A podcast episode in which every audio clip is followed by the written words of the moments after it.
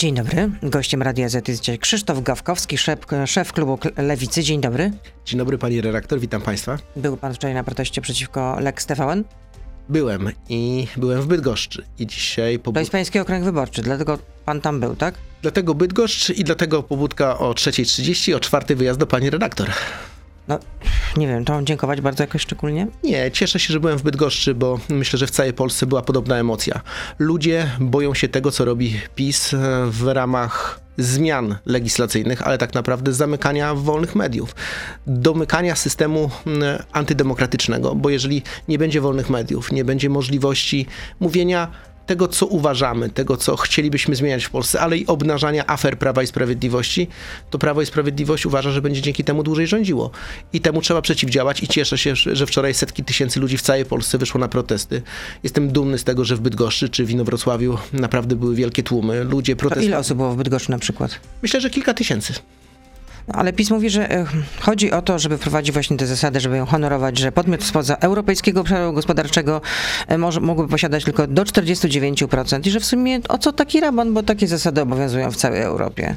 No raban jest na kilku polach. Po pierwsze, jeżeli jest ustawa, którą się proceduje niezgodnie z regulaminem Sejmu, bo zwołuje się komisję na 30 minut przed, mówi się o czym będzie ta komisja, biuro legislacyjne, przecież pracownicy pani marszałek Witek mówią, że to jest niezgodne z prawem, a szefowie komisji e, brną do tego, żeby podjąć taką decyzję, no to trzeba protestować. Lewica w tej sprawie złożyła zawiadomienie do prokuratury na szefa komisji, bo uważamy, że to jest postępowanie, które łamie artykuł 231 kodeksu kodeksu karnego. Po drugie, jeżeli domknie się system w sensie takim, że będzie 49% jakaś firma miała, to przecież e, firma, która jest właścicielem marki Discovery TVN-u, będzie musiała sprzedać tą markę, a jak będzie musiała ją sprzedać, to może się znajdzie znowu jakiś usłużny szef PGNiG-u, PZU, e, e, PKO BP, PKO SA, czy jakiegokolwiek innego polskiego giganta państwowego, który wyłoży te grube miliardy i powie, to my kupujemy te udziały, tak jak było z polską press. No ale co powiedziała Anna Zalewska wczoraj w siódmym dniu tygodnia?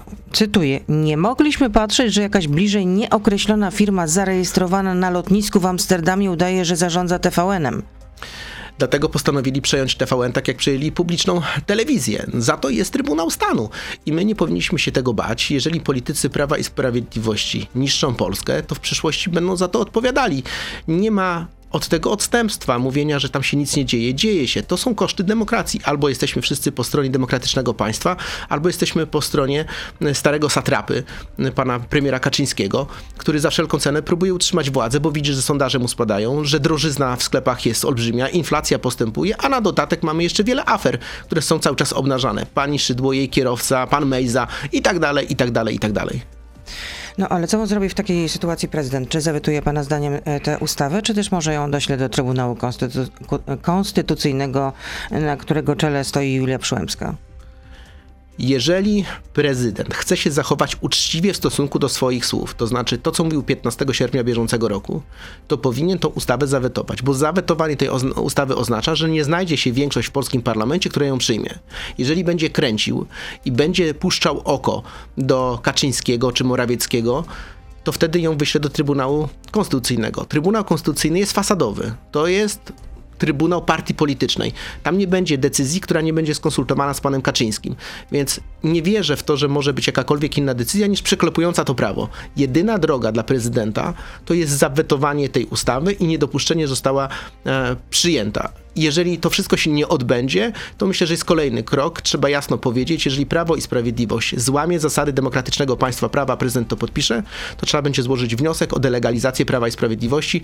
Mm, to może zrobić Trybunał Konstytucyjny. Nie stanie się to pewnie w tej kadencji, ale stanie się w następnej. Przepraszam, chciałby pan zdelegalizować Prawo i Sprawiedliwość? Tak, bo partia polityczna, która łamie w Polsce prawo, partia polityczna, która nie szanuje konstytucji, partia polityczna, która upolityczniła najważniejsze organy państwa, jest szkodnikiem ustrojowym. To zakłada e, dokładnie artykuły konstytucji mówiące o tym, że można zdelegalizować partię polityczną. No ale to przecież nikt inny jak Lewica dogadywała się na przykład z Prawem i Sprawiedliwością. Włodzimierz Czarzasty chodził na tajne rozmowy w sprawie poparcia dla Krajowego Planu Odbudowy. I nie macie teraz w związku z tym jakiegoś kaca moralnego? Nie, bo Fundusz Odbudowy, a o nim była mowa, Fundusz Odbudowy to jest sprawa dotycząca przyjęcia miliardów Ale żadna złotówka, żadne euro jeszcze do Polski nie dotarło. ale jeżeli pani rektor pozwoli, miliardów złotych, które miały trafić albo miały nie trafić do Polski, nie trafiły dzisiaj do Polski, ale wyraziliśmy wolę jako Polska, że chcemy je przyjąć. I pani doskonale wie. Ale można było nas- poprzeć bez tego dogadywania się y, takiego pokątnego, gdzieś y, Pani tajne przez redaktor, poufne. nie było żadnego tajne przez dlatego że od początku mówiliśmy, że Lewica chce poprzeć sprawę dotyczącą przyjęcia pieniędzy z Unii Europejskiej. Przyjęliśmy te pieniądze z Unii Europejskiej, nie dostaliśmy ich, dlatego że Prawo i Sprawiedliwość nie spełniło warunku. Pojechaliśmy do Brukseli, spotykaliśmy się z komisarzami europejskimi, mówiąc, jeżeli nie zostaną spełnione warunki demokratyzacji, Izba Dyscyplinarna nie zlikwidowana, to wstrzymajcie te pieniądze i czekajcie, aż przyjdzie w Polsce rząd. Czy te pieniądze stracimy? Nie. Mówił też o tym Donald Tusk. Donald Tusk, jak został tylko szefem Platformy, powiedział, że trzeba było przyjąć te pieniądze i w Brukseli walczyć o to, żeby była rozsądne ich mm, wykorzystywanie. To Lewica dokładnie robi. Idziemy taką samą drogą i myślę, że w tej sprawie na opozycji nie ma wroga. Zresztą muszę pani powiedzieć, że wczoraj bardzo mnie budowało to, że wszystkie partie opozycyjne stanęły pod Pałacem Prezydenckim, że wszyscy mówili tym samym językiem. Nikt No co nareszcie... z tego? Ale liczą się czyny, a nie słowa. Czy będzie jeden y, blok demokratyczny w wyborach, najbliższych wyborach do Sejmu? Myślę, że do tego są pewne kroki i mam pewien pomysł. A co to znaczy pewne kroki? Już, Ma pan... Tak, i już o tym powiem.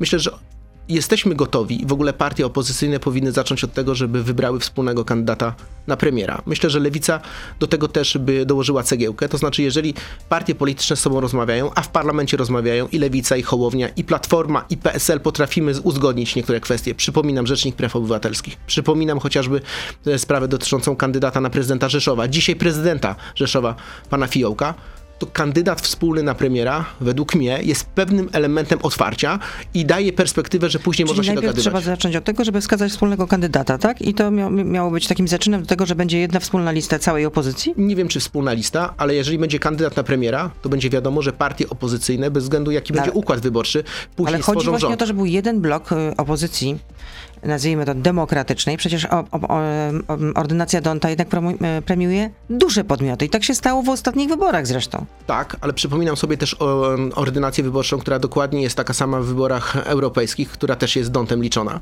I co wtedy się wydarzyło?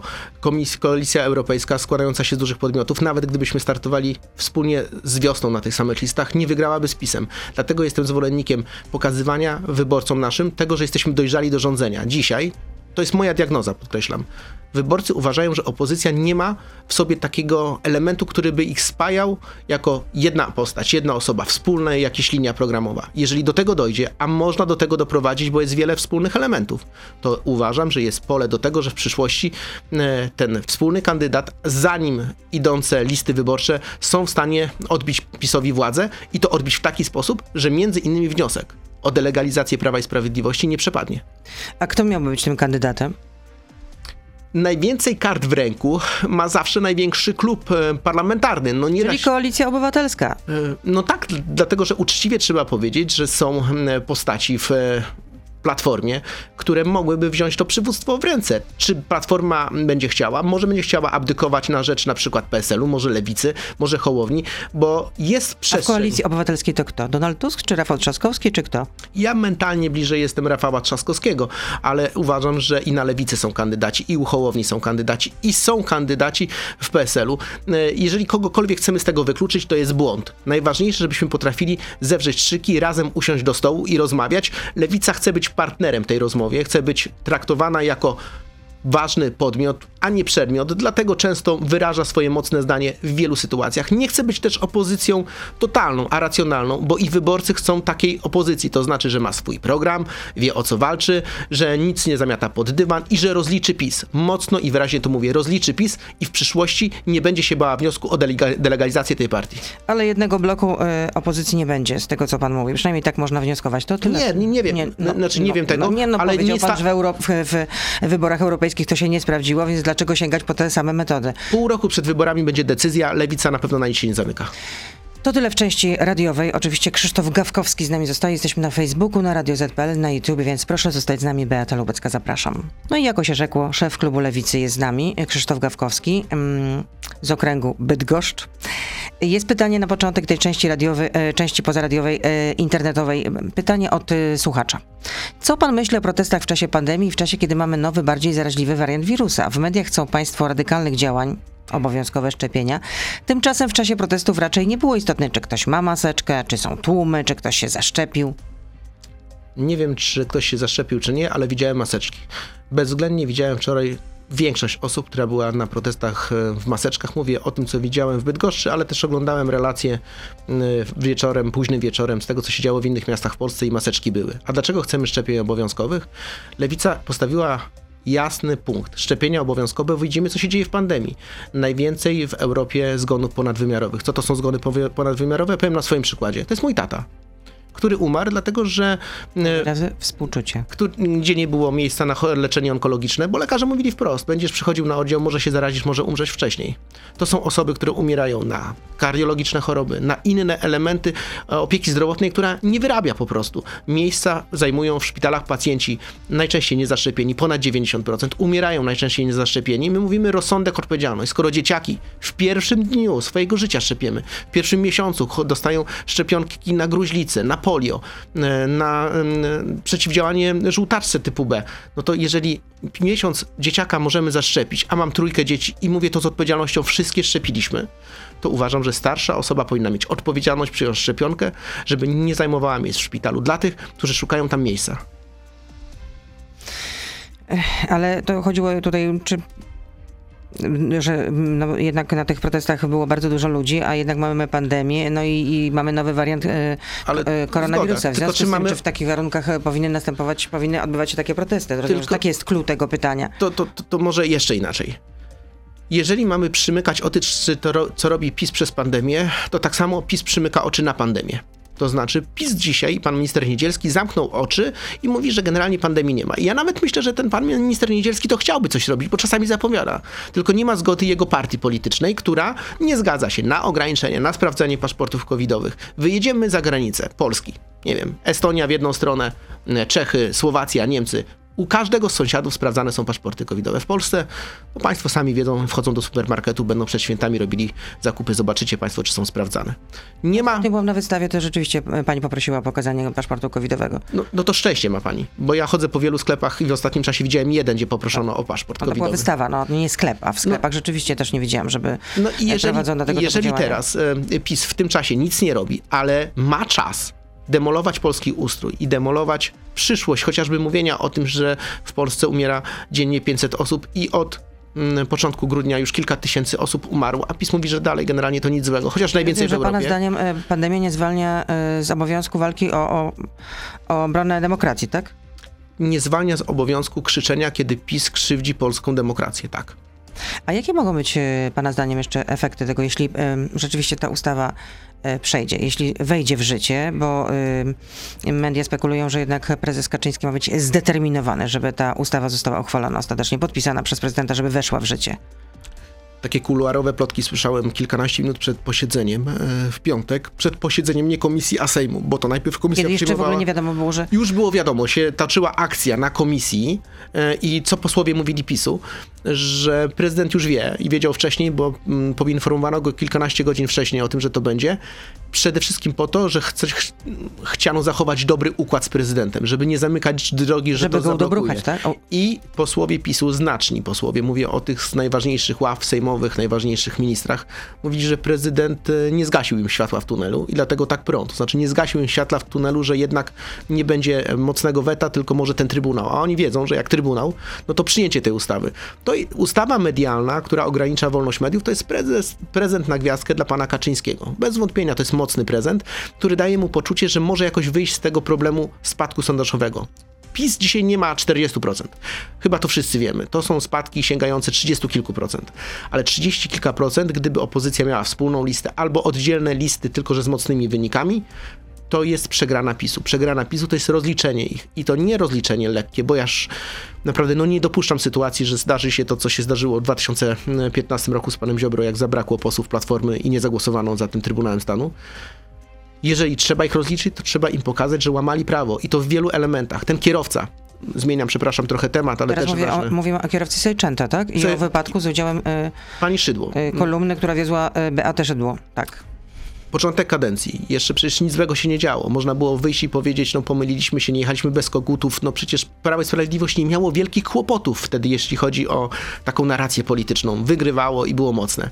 Jeżeli wtedy zorganizowana grupa, bo tak to wygląda, zorganizowana grupa przestępcza, jeden drugiemu kazali kłamać, a propos tego, czy jechała kolumna z panią premier na sygnałach, żeby chronić to, że łamane było prawo i przyznaje się dzisiaj do tego były funkcjonariusz, który mówi, że wprost kazano mu kłamać i on wie, że za to poniesie odpowiedzialność, bo przypominam, że ten człowiek, który dzisiaj mówi, że kłamał pod przysięgą, no to za to są paragrafy. To za to można iść do więzienia. To ja mu ufam, bo on wie, że za to pójdzie do więzienia. A jak pójdzie za to do więzienia i mówi o tym prawdę, bo go gryzie sumienie, to znaczy, że ta władza została tak mentalnie skorumpowana chęcią pokazywania się tylko z dobrej strony, że my ich nie odepchniemy od władzy prostymi metodami. Ale to pan podejrzewa, że wybory rzeczywiście, tak jak mówi Donald Tusk, mogą być, y, no, mogą nie być uczciwe?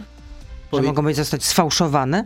Powiedział to Jachim Brudziński może nie wprost, ale jednak padły takie słowa, że głosowania głosowaniami, urny urnami i tak my będziemy rządzili w następnej kadencji. No, ja to odbieram jako taką zapowiedź. Zrobimy wszystko, żeby dalej rządzić. Gdzie jest to wszystko? Siedem miesięcy temu byłem na spotkaniu, na którym w parlamencie grupa opozycyjnych posłów, nie z klubu Lewicy, mówiła, że PiS się nie posunie dalej, jeśli chodzi o politykę medialną. Wtedy się zarzekali. Y, bardzo rozsądna pani poseł, pani Katarasińska, którą bardzo szanuję, mówiła, że PiS nie pójdzie w stronę tego, żeby zamykać jakieś media w Polsce. To było przy okazji tych protestów, gdzie były takie czarne ekrany. E, media stacji. bez wyboru. Media bez wyboru. No i było kilka głosów, które mówiły, ale jak pójdą? Nie, nie pójdą. Poszli poszli dalej. To jak dzisiaj ktoś mówi, czy nie pójdą dalej, to ja już nie powiem pani, u pani twardo, nie pójdą dalej. Znaczy nie wydarzy się nic w Państwowej Komisji Wyborczej, komisarze wyborczy nominowani przez ministra PiSu dokładnie, bo to przecież komisarza też e, wskazuje minister. E, nie będą wywierali presji. Ja nie wiem, co będzie. Jeżeli tak będzie, to trzeba być na to gotowym. Ja, podoba mi się propozycja Donalda Tuska, żeby tworzyć taki ruch oddolny, który będzie sprawdzał wybory. Zresztą Lewica co wybory wystawia tych 30, 30 kilka tysięcy e, wolontariuszy, bo tak trzeba o nich powiedzieć, ludzi, którzy pracują w obwodowych komisjach wyborczych. I jeżeli to będzie sprawna armia, 30 tysięcy Lewica, 30 tysięcy Platforma, 30 tysięcy PSL, 30 tysięcy mm, Hołownia 120 tysięcy ludzi. Można popatrzeć tym ludziom z na ręce. Można.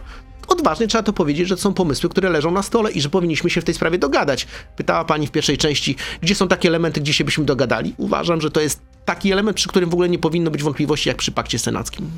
Zbigniew pyta, co Włodzimierz Czarzasty, który dotąd uważał, że nie PiS, tylko PO, TVN, Wyborcza są jego głównym wrogiem, robił na wiecu krzycząc, krzy, krzy, coś mam dzisiaj nie, nie najlepszy dzień, krzycząc wolne media, zdobywał szczyt hipokryzji?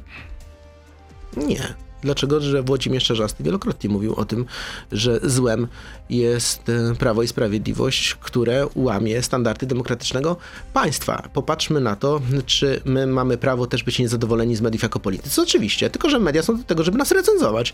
Gawkowski Krzysztof wielokrotnie miał pretensje, że coś nie zostało pokazane w jakichś mediach, ktoś nas czegoś nie zauważył, no bo jak jesteś liderem partii i wydaje ci się, trochę żyjesz w bańce, wydaje się, że dużo robisz, że te ustawy składasz, no że wszyscy to mają pokazywać. No nie pokazują, ale z drugiej drugiej strony media są od tego, żeby to recenzować. Czegoś nie pokazują, bo uznają, że polityk nie ma racji.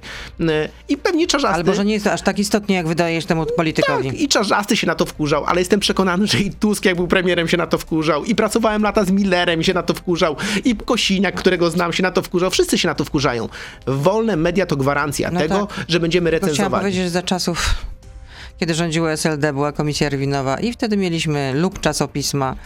Ale nikt nie zamykał mediów w sensie takim, że nie doprowadzał do sytuacji, żebyśmy mieli ustawy, żeby partnerzy z zagranicy, no, żeby nota ambasady czy Departamentu Stanu była w obronie polskich mediów, mówię amerykańskiego Departamentu Stanu, no, znaczy naprawdę po 89 roku no, nie zdarzyły nam się sytuacje, które by wprost podważały wolność mediów w Polsce. Dostrzegają to inne państwa na świecie. Dzisiaj rano słyszałem bardzo niepokojące wiadomości, czytałem też na, na portalach europejskich. Niektóre państwa, liderzy tych państw, tak dokładnie powiem, e, europejskich stolic, premierzy e, mówią wprost, że może po tym, co się stało teraz tą ustawą medialną, Polskę trzeba wypchnąć z Unii Europejskiej. Ale może... kto tak mówi?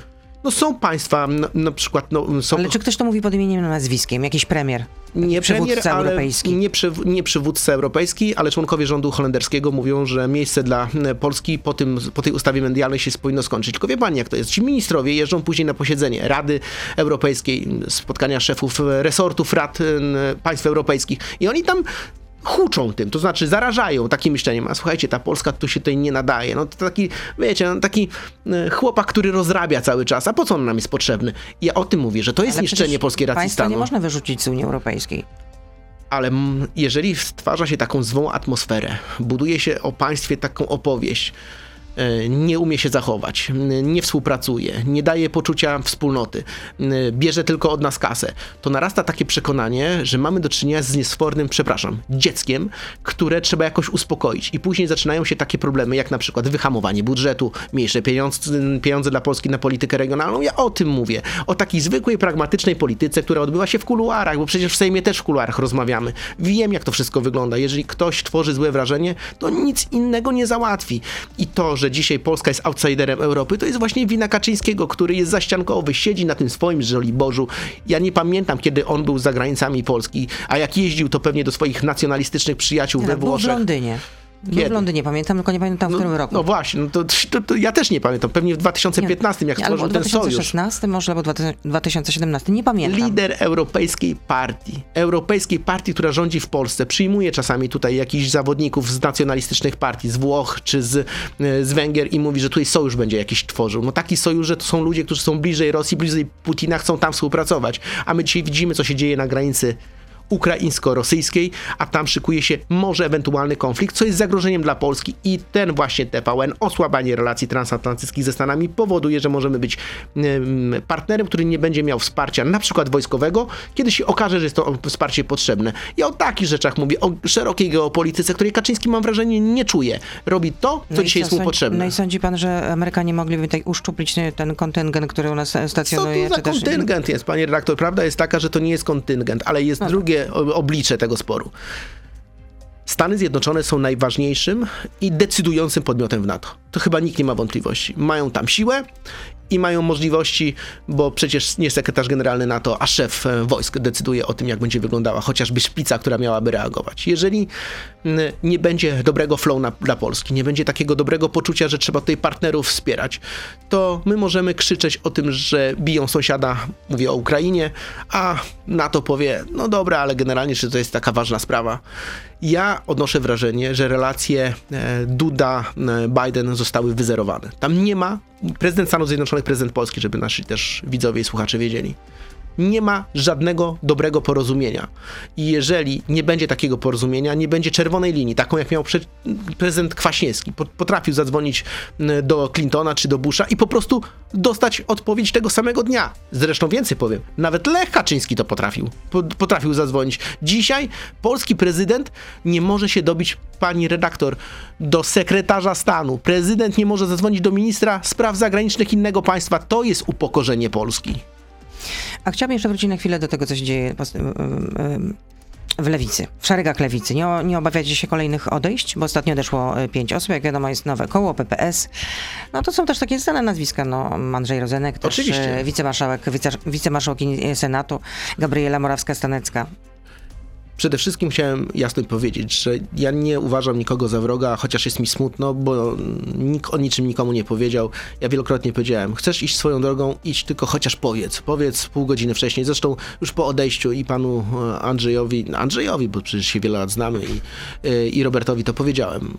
I Janie też. No, mogliście chociaż zadzwonić i powiedzieć, że odchodzicie. No nie było możliwości. No, nie było możliwości, rozumiem, że ja dzwoniłem, nikt nie odbierał telefonu. To po pierwsze.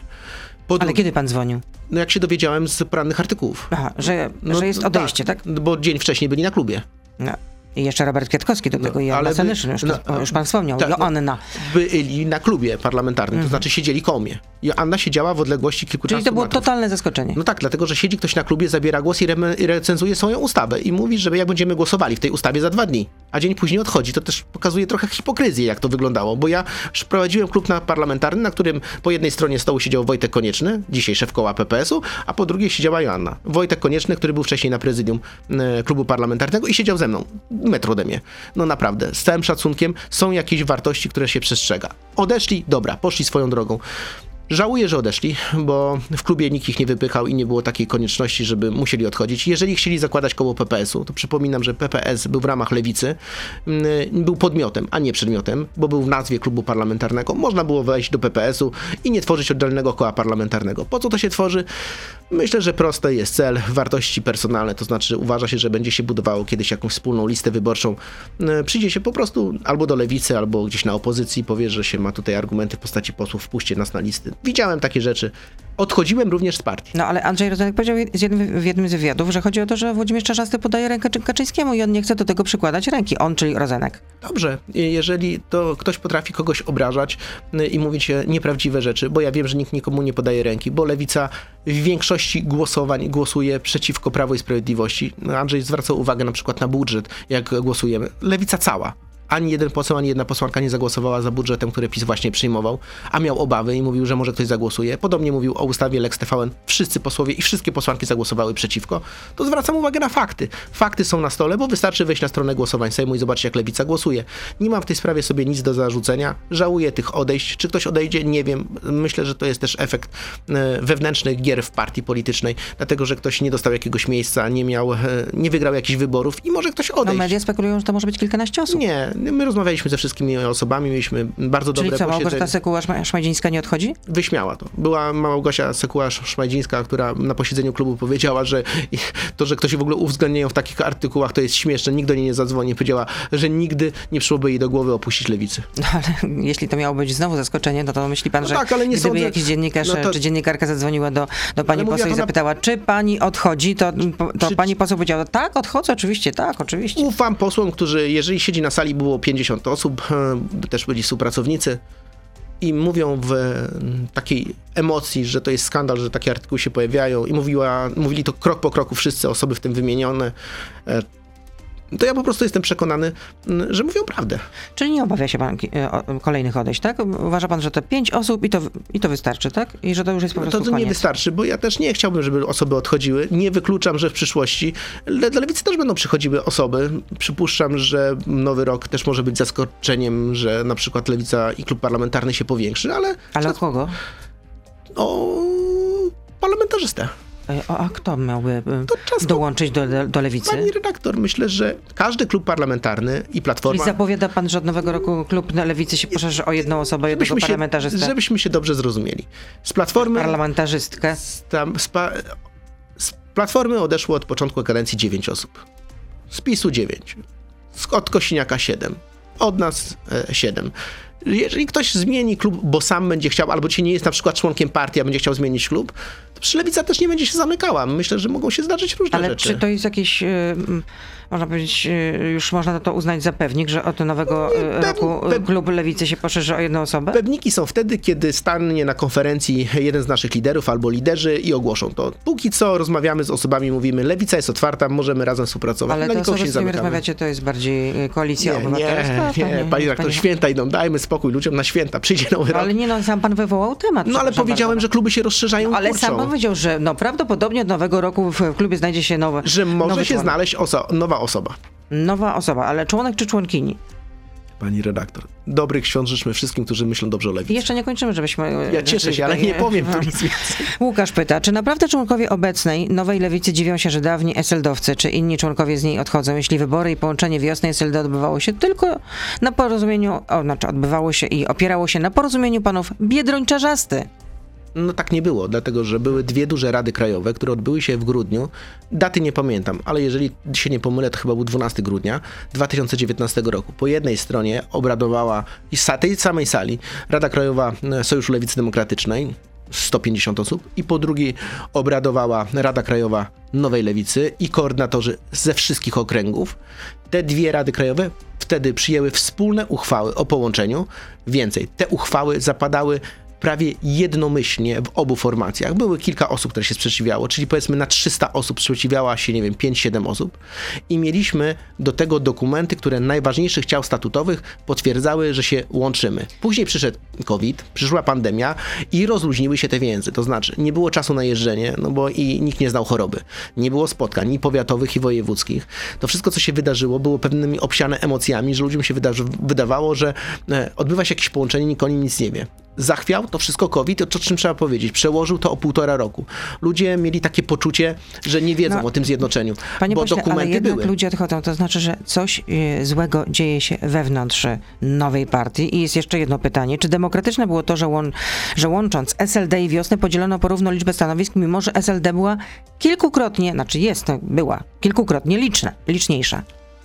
Tylko, że to, to jest proces, który jeszcze się cofnę o pół roku. No, dlatego, że mieliśmy wspólne zobowiązanie, które podjęliśmy w wyborach parlamentarnych. W 2019 roku i SLD, i Wiosna podjęły decyzję o tym, że się połączą na równych prawach. Podjęły to decyzję przed wyborami, kiedy nie wiedzieliśmy, jakie będą wyniki wyborów parlamentarnych. Więcej, później się okazało, że mamy bardzo podobną liczbę parlamentarzystów. I, i SLD, i Wiosna.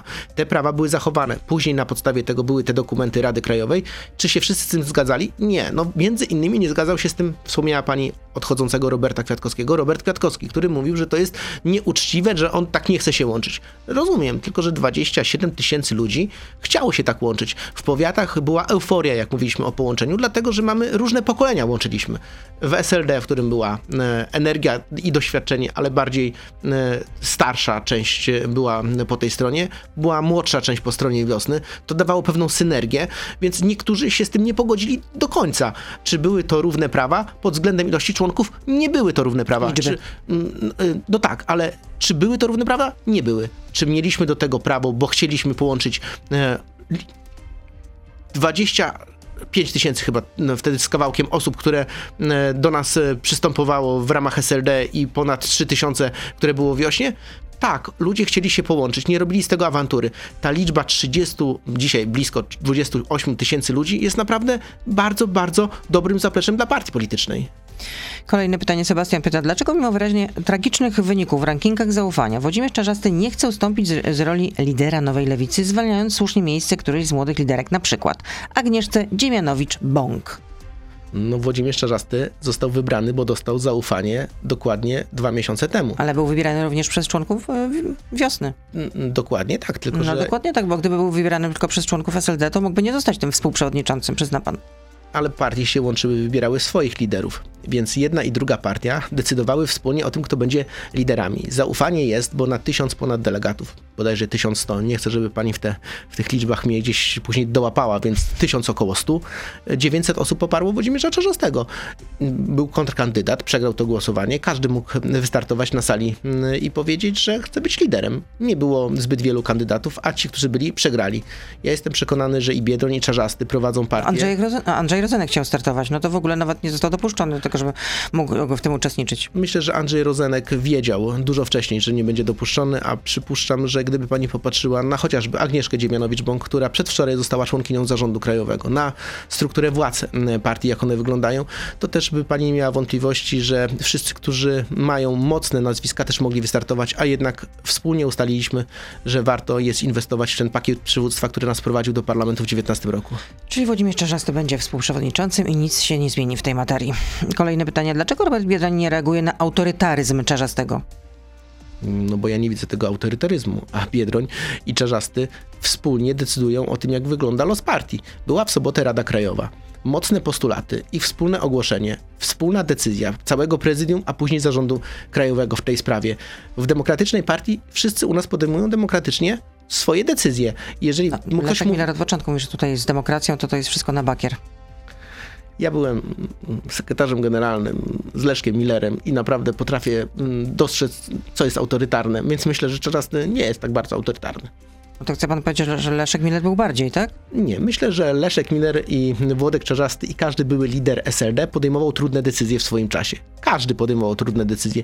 Nie szukałbym tutaj odpowiedzi, kto jest mniej, kto jest bardziej autorytarny. Jestem przekonany, że dzisiaj w lewicy, w nowej lewicy jest demokracja, bo jest podejmowane są decyzje większością głosów. Jeżeli na przykład była decyzja o szczepieniach, trudna decyzja dla partii, to wszyscy prawie członkowie prezydium głosowali za. Są niektóre osoby, które się wstrzymują, mają inne zdanie, nikt nikogo nie naciska, są rozmowy. U nas klub parlamentarny trwa 3-4 godziny.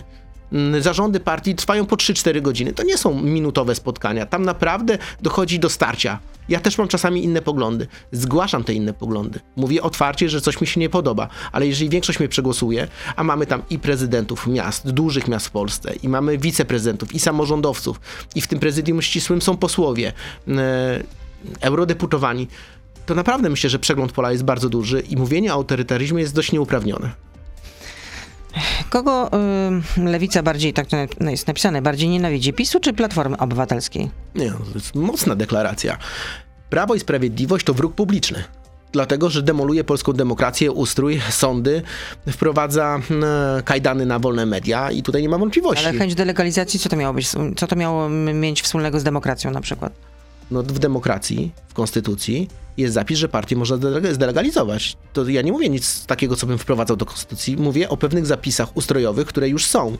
I jeżeli partia łamie ustrój, no to, to jest jedna z podstaw do tego, żebyśmy ją zdelegalizowali. Dlatego powiedziałem tak o PiSie. A Platforma Obywatelska to nie jest żaden wróg, to jest po prostu partner do rozmów, z którym czasami się nie zgadzamy. Na opozycji można mieć inne zdanie. Platforma Obywatelska na przykład mówi, że podwyższenie płacy minimalnej w dużych progach, tak jak proponuje Lewica, jest złe. No rozumiem, ona jest partią bardziej liberalną, my jesteśmy bardziej partią socjalną. Partia Donalda Tuska nie opowiada się za obowiązkowymi szczepieniami, my się za nimi opowiadamy. My jesteśmy za większym, e, większą ilością praw pracowniczych, między innymi za wydłużeniem urlopu do 32 dni, czy za stuprocentową płatnością za wynagrodzenie na chorobowym. Platforma mówi, że to jest zbyt duży socjal. Ja to wszystko rozumiem. My mówimy o odejściu od węgla szybciej, Platforma mówi, że to transformacja energetyczna dłużej. Czyli rozumiem, że trwać. bliżej wam do Platformy Obywatelskiej. Tak to można podsumować. Hm. Łukasz, gdzie te mieszkania, co tak y, hucznie ogłosiliście, że będą się budować?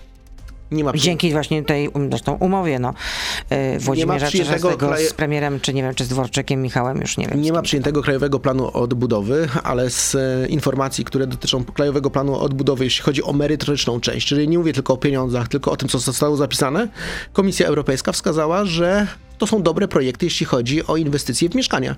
Jeżeli pieniądze przyjdą i pieniądze będą, a wcześniej czy później będą, bo jeżeli w Polsce się zmieni władza, to te pieniądze otrzymamy i otrzymamy je również z tymi, których dzisiaj nie otrzymaliśmy jako zaliczki, tymi miliardami euro, to będzie program w Polsce mieszkań, które będą budowane ze środków publicznych i które będzie można zdecydowanie łatwiej i taniej kupić. I uważam, że to jest dobre dla Polaków. Tatiana pyta. 29 października tego roku otrzymał pan pismo od Stowarzyszenia Ekologicznego Warto Być. Coś panu tam mówiłem, coś tam w głowie się Nie kojarzę. przypomina? Nic, tak? No w piśmie autorzy ala- alarmowali, że 16 marca tego roku wysłali pismo do szefowej e, Sejmowej Komisji Ochrony Środowiska, posłanki Urszuli Pasławskiej z PSL-u, e, w sprawie unormowania w przepisach kwestii uciążliwości odorowych. I przez 7,5 miesiąca e, pani poseł nie raczyła w ogóle odpowiedzieć. No i jeden z, ja, pan jako jeden z adresatów został poproszony, żeby wyjaśnić tę- sytuację, spowodować, żeby ta odpowiedź została udzielona, no i przede wszystkim, żeby Sejm się tym zajął, żeby to uregulował. To, to ja wiem, co zrobiła w tej sprawie Lewica. Lewica w tej sprawie po pierwsze miała wysłuchanie obywatelskie, była konferencja i rozmawialiśmy o ustawie odorowej. Mamy projekt ustawy odorowej. Osobą prowadzącą ustawę odorową jest Anita Kucharska-Dziedzic, nasza posłanka. Współpracowali z nią przy tej ustawie Arkadiusz Iwania, który ma w swoich powiatach okręgu wyborczego, Mławski czy Żyromiński, e, problemy, które mieszkańcy mu zgłaszali, więc my tą sprawę regulujemy i mamy swoje rozwiązania w tej sprawie. Ale dlaczego pan nie udzielił odpowiedzi, skoro przyszło takie pismo? Ja nie potrafię przypomnieć sobie o tym, że przyszło takie pismo. Jeżeli jakaś odpowiedź nie poszła, to na pewno została skierowana do posła albo posłanki, bo u nas wszystkie pisma są delegowane na poszczególne osoby. I jestem przekonany, że jeżeli były jakieś takie elementy, które dotyczyły ustawy odorowej, to zostały przesłane do posłów i pewnie odpowiedzi były. A jeżeli nie, to teraz jej udzieliłem. Bardzo mocno i wyraźnie. Lewica ma swoją ustawę odorową i będzie ją promowała i ona jest zgodna z tym, czego oczekują środowiska e, ekologiczne. No ale czy pod rządami Prawa i Sprawiedliwości taka ustawa może wejść w życie? Nie. I jeszcze jedno pytanie od y, słuchacza. Dlaczego we władzach lewicy nie ma ani jednej osoby niebinarnej? A Ja nie wiem, czy są binarne, czy niebinarne osoby. Rozumiem, że nie rozmawiacie o tym. no, no nikt nie musi o tym mówić, czy jest binarny, czy nie binarny. Może ktoś jest. Mhm. No to trudno, żebym o to pytał. No trudno, rzeczywiście. No, Jeśli taka osoba chce o tym powiedzieć, to Oczywiście. tak, a jeśli nie, no to... Więc nie mam takiej wiedzy, y, a jakbym miał, to myślę, że to też nie jest miejsce, żebym zdradzał, kto jest binarny albo kto nie. No i jeszcze ostatnie pytanie. Czy Polska Lewica jeszcze walczy o, o prawa pracownicze i inne tradycje, lewi, tradycyjnie lewicowe ideały? Oczywiście, no już wymieniłem prawa pracownicze, już niektóre No wymieniłem. dłuższy urlop. Do 32 wydłużony. Tak, ale to nie tylko. Mieliśmy spotkanie, od tego zacznę, nie tak dawno, bo w środę, z Radą Ogólnopolskiego Porozumienia Związków Zawodowych, gdzie sprawozdawaliśmy jako klub parlamentarny Lewicy, jak wykonywanie e, postulatów e, OPZZ-u idzie. No, Zgłoszono nam e, 21 postulatów dotyczących praw pracowniczych i na tych 21 postulatów zgłosiliśmy 17 ustaw, między innymi dotyczące wyższej płacy minimalnej. To jest bardzo ważny postulat. Likwidacji umów czasowych, czyli No, tak zwanej O wyższą płacę minimalną już zadbało Prawo i Sprawiedliwość. ale no, dużo mniejsza niż to, co proponuje OPZZ jako związki zawodowe i my. Mm, Tylko To wrócę. ile by to kosztowało? Ale, ale, bo, ale pytała Pani o to, czy jesteśmy propracowniczy, więc chcę na te pytania odpowiedzieć mocno. Likwidacja umów śmieciowych. Jasno i wyraźny, wyraźny postulat. Większa składka zdrowotna. Doprowadzenie do sytuacji, kiedy dłuższe są e, urlopy. M, e, ulo- em, wy- stuprocentowa płatność za, e, za chorobowe. To są elementy, które wprost wynikają z programu takiego związkowego.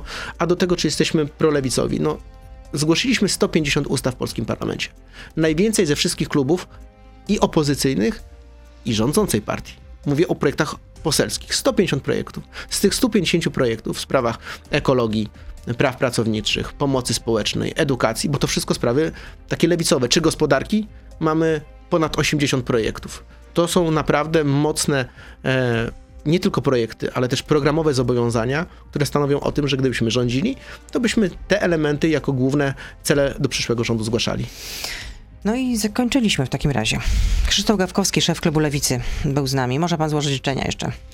Zdrowych, spokojnych i ciepłych świąt, ale i wszystkiego dobrego w nowym roku i życzę Państwu, żebyście nie przeżywali smutku z powodu choroby, tylko żeby ten nowy rok był w radościach, że wirus odstąpi, a my wszyscy będziemy normalnie żyli jak w 2019 roku. Dziękuję bardzo i odporności żelaznej życzę. Dobrego Dziękuję dnia. ślicznie. To był gość Radia Z. Słuchaj codziennie w Radio Z i na player radioz.pl.